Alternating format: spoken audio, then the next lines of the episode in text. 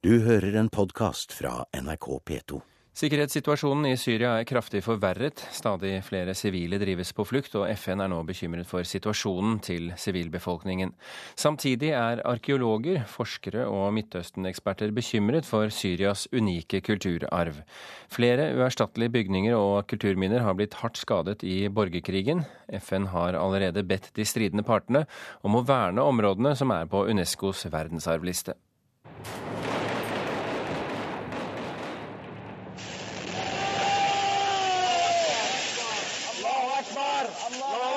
Hverdagen i Syria er en kamp på liv og død.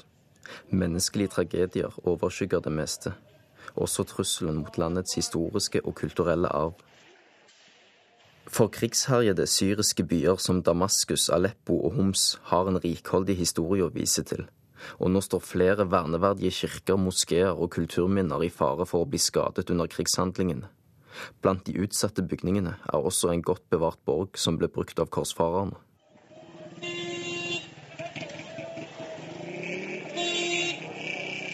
Det er seks lokaliteter i Syria som står på FN-organet Unesco sin verdensarvliste. Og nylig gikk FN-representanter ut og ba de stridende parter i Syria om å ta hensyn til og verne om landets unike kulturarv. Men om opprørssoldater og regjeringsstyrker kan og vil tenke på internasjonale forpliktelser knyttet til kulturvern når det utkjempes en blodig krig, er høyst uvisst. Forskere fra flere land er bekymret for plyndring og ødeleggelse av syriske kulturminner. Og den anerkjente britiske forfatteren og journalisten Robert Fisk, som har god kjennskap til forholdene i Syria, skrev i går i avisa The Independent at borgerkrigen kan få ødeleggende konsekvenser for verneverdige bygninger og gjenstander, som ikke bare er en del av Syrias historie, men også en del av vår verdensarv. Reporter her, det var Dario Kverme Birhane. Jørgen Christian Meyer, professor ved Institutt for arkeologi, historie, kultur og religionsvitenskap ved Universitetet i Bergen. Vet vi egentlig hvor mye av Syrias kulturarv og kulturminner som nå er ødelagt? Nei, det gjør vi ikke. Øh, de opplysninger vi får der nede fra, de spriker. Og øh, det er ganske umulig å verifisere hva der er øh, riktig og forkert. Også fordi hele det her inngår i en propagandakrig mellom de to parter. Ja, På hvilken måte brukes dette som propaganda? Hvis man kan påvise at den ene part ødelegger kulturminner, øh, så blir det en kamp om verdensopinionen. Altså, vi må forstå der foregår en intens psykologisk krigsførelse i øyeblikket. Et godt eksempel er f.eks. at Øh, den ene side påstår at hæren har bortført statuer og mosaikker fra museet i Afamea. Øh, man kan også se det på den anden side, at det er hæren har øh, kørt disse fortidsminder vekk for å beskytte dem, og jeg tror faktisk det er det siste det dreier seg om. Men hva er det spesifikt man er bekymret for at skal ødelegges og stjeles? Man kan si det, det er trusselen kommer hovedsakelig fra to kanter. For det første er det plyndringer av utgravningsområder og museer, som vi også har opplevd i Irak. Og Det er altså jakten på verdigenstande, antikviteter, som kan selges på det sorte marked, spesielt i USA og Europa. Og Det rammer især hva skal man si, utgravningsområder, dvs. Si kulturminner fra bronsealderen og frem til og med romers tid. Øh, bl.a. her Palmyra og Afamea, som begge står på Unescos liste over verdens kulturarv. Hvor viktig er disse kulturminnene som vi snakker om her, i, i forhold, eh, altså for vår forståelse av verdenshistorien? Altså Midtøsten har jo alltid vært et helt sentralt område for å forstå den utvikling der er skjedd, ikke bare i Midtøsten, men også i Middelhavsområdet og hele Europa. Man kan si det har vært et historisk øh, kraftsenter øh, hvor endringer i Midtøsten har påvirket hva der har skjedd i Middelhavet og Europa. Øh, du kjenner jo folk på begge sider av konflikten, har jobbet i Syria en del. Er det hovedsakelig snakk om utilsiktede skader på kulturminnene, eller er det en bevisst del av krigføringen? Altså man kan si Selve plyndringen er jo øh, tilsiktet, øh, fordi man vil berige seg. Og det har noe å gjøre med at øh, den skal vi si, den lokale myndigheter ikke har kontroll med lov og orden. Øh, har slett ikke organisasjonen og midlene til å etablere noe alternativ her. Øh, når det dreier seg om selve kulturminnene, så tror jeg slett ikke det er tilsiktet å ville ødelegge dem. Simpelthen fordi de uansett hvilket regime der vinner her, vil disse kulturminner være en del av en stor turistindustri som betyr mye for Syrias øh, økonomi. Men er det likevel slik at både opprørere og regjeringsstyrker bruker kulturminnene for å beskytte seg selv? Altså at de går inn i borger f.eks. i håp om ikke å bli beskutt? Jeg vet det faktisk ikke. Uh, altså Vi må forstå her at uh, opprørshæren har en fordel når de kjemper i tette bystrøk hvor der er krogede og smalle gader, hvor regeringsstyrkernes panservogne er sårbare, og hvor langtrækkende våpen ikke kan komme til sin rett. Og det vil sige, så er artilleri og flybombardement en stor trussel. Øh, men det her dreier seg jo ikke alene om kulturminner. Det dreier seg også om at soldater på begge sider ønsker at overleve. Og det er nok det viktigste i deres skal vi sige, hverdag i dag. Og de tænker altså ikke øh, på kulturminner. Altså, Vi må huske på at bykamp er noe av det mest nådesløse og brutale øh, der finnes. Kulturpolitiske hensyn vil naturlig komme i annen rekke. Sånn har det nå en gang vært i alle kriger. Jørgen Christian Meyer ved Universitetet i Bergen, eh, tusen hjertelig takk for at du kunne være med her i Kulturnytt. Og for deg som hører på, så kan vi jo fortelle at du kan både lese og se bilder av disse vernede stedene hvis du går inn på våre nettsider nrk.no.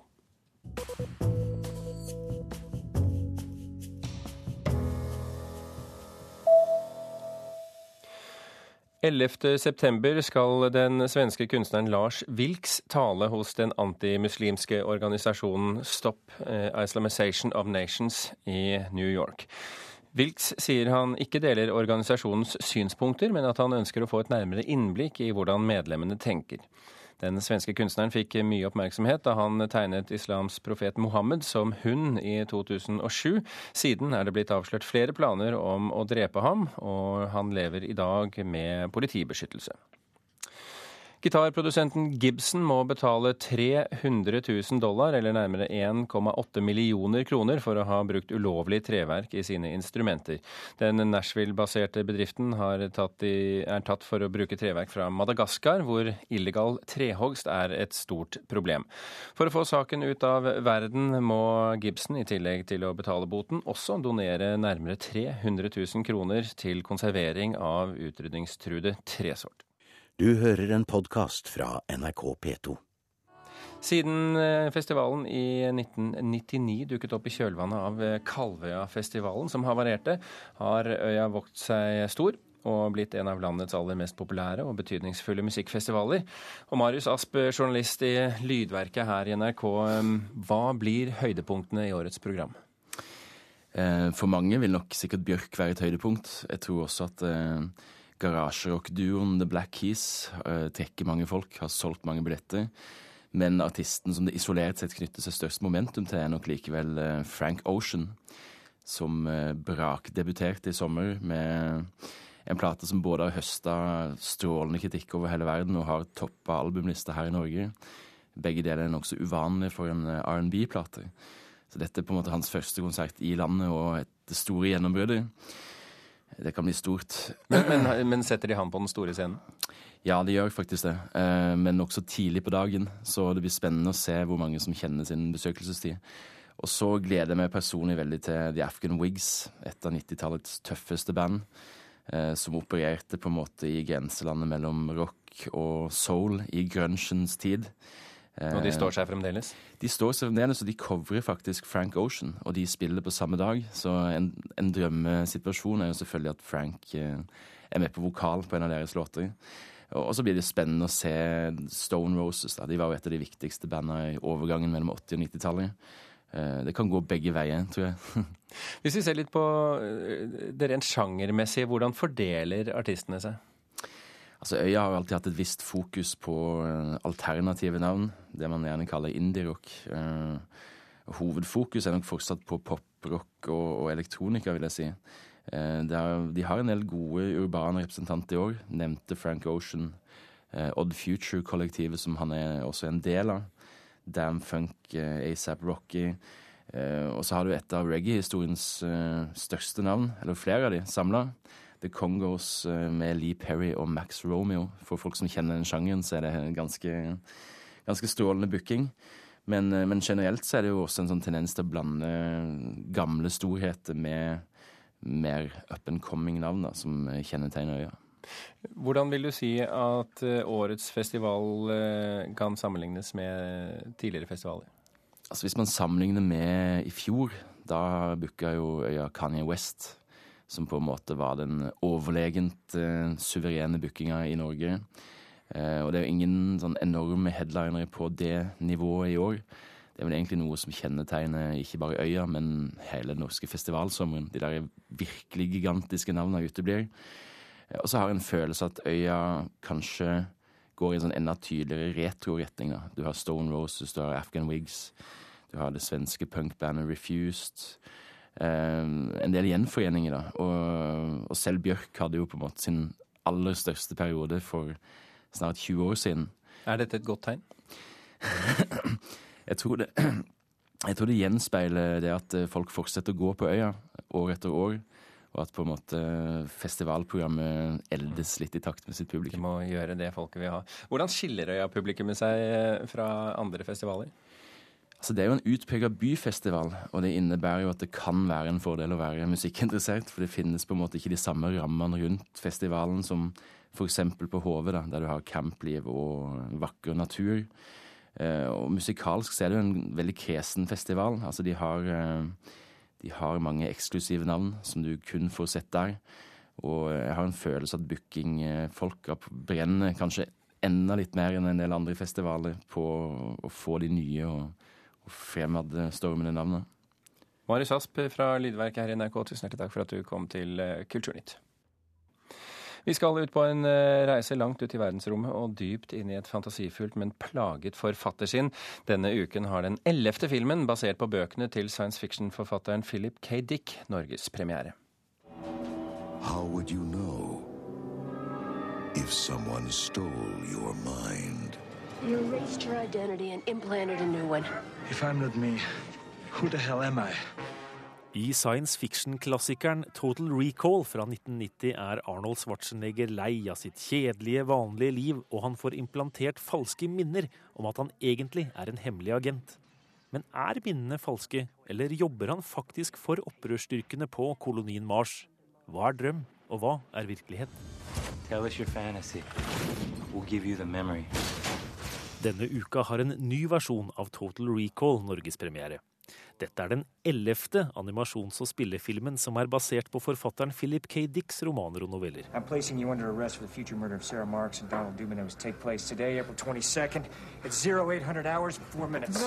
Steven Spielbergs Minority Report med Tom Cruise i hovedrollen er en annen av filmene som er basert på Philip K. Dicks verk. I tillegg har arbeidet hans inspirert en rekke andre produksjoner, som f.eks. The Matrix. Likevel er nok den aller første Philip K. Dick-filmen fortsatt den største.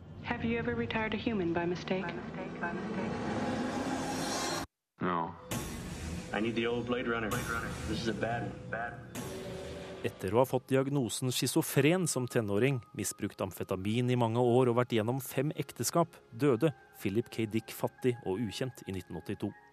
Men før han gikk bort, rakk han i hvert fall å se noen minutter av den uferdige filmen, som bare noen måneder senere skulle endre ettermælet hans dramatisk. Blade Runner. I've seen things you people wouldn't believe. Reporter her, det var Gjermund Jappé. Rune Haakonsen fra Filmpolitiet her i NRK. Hvorfor kommer det nå en ny versjon av Total Recall, og hvordan er den aktuell i dag? Det er jo ikke uvanlig at populære filmer eh, kommer i nye versjoner, og vi skal ikke være mindre naive enn å se at Hollywood vil tjene penger. Men, men, akkurat denne Total Recall er nok litt spesiell også fordi at den handler om hvordan vi behandler våre minner i møte med teknologi. Og nå i disse dager med Facebook og sosiale medier som eh, tar over store deler av livene våre, så er jo dette en aktuell problemstilling igjen. Eh, I hvilken grad skal vi stole på teknologi når det kommer til våre egne minner? Og det, det er jo en veldig spennende tanke.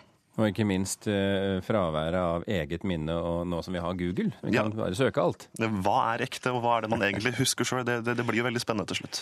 Fortell oss, eh, Håkonsen, hvorfor er så mange verk av, eh, verk av Philip K. Dick filmatisert? Jeg tror nok det i første grad handler om menneskene han skildrer. Altså Science fiction-sjangeren har jo vært eh, rundt oss i flere hundre år, også, også på 1800-tallet.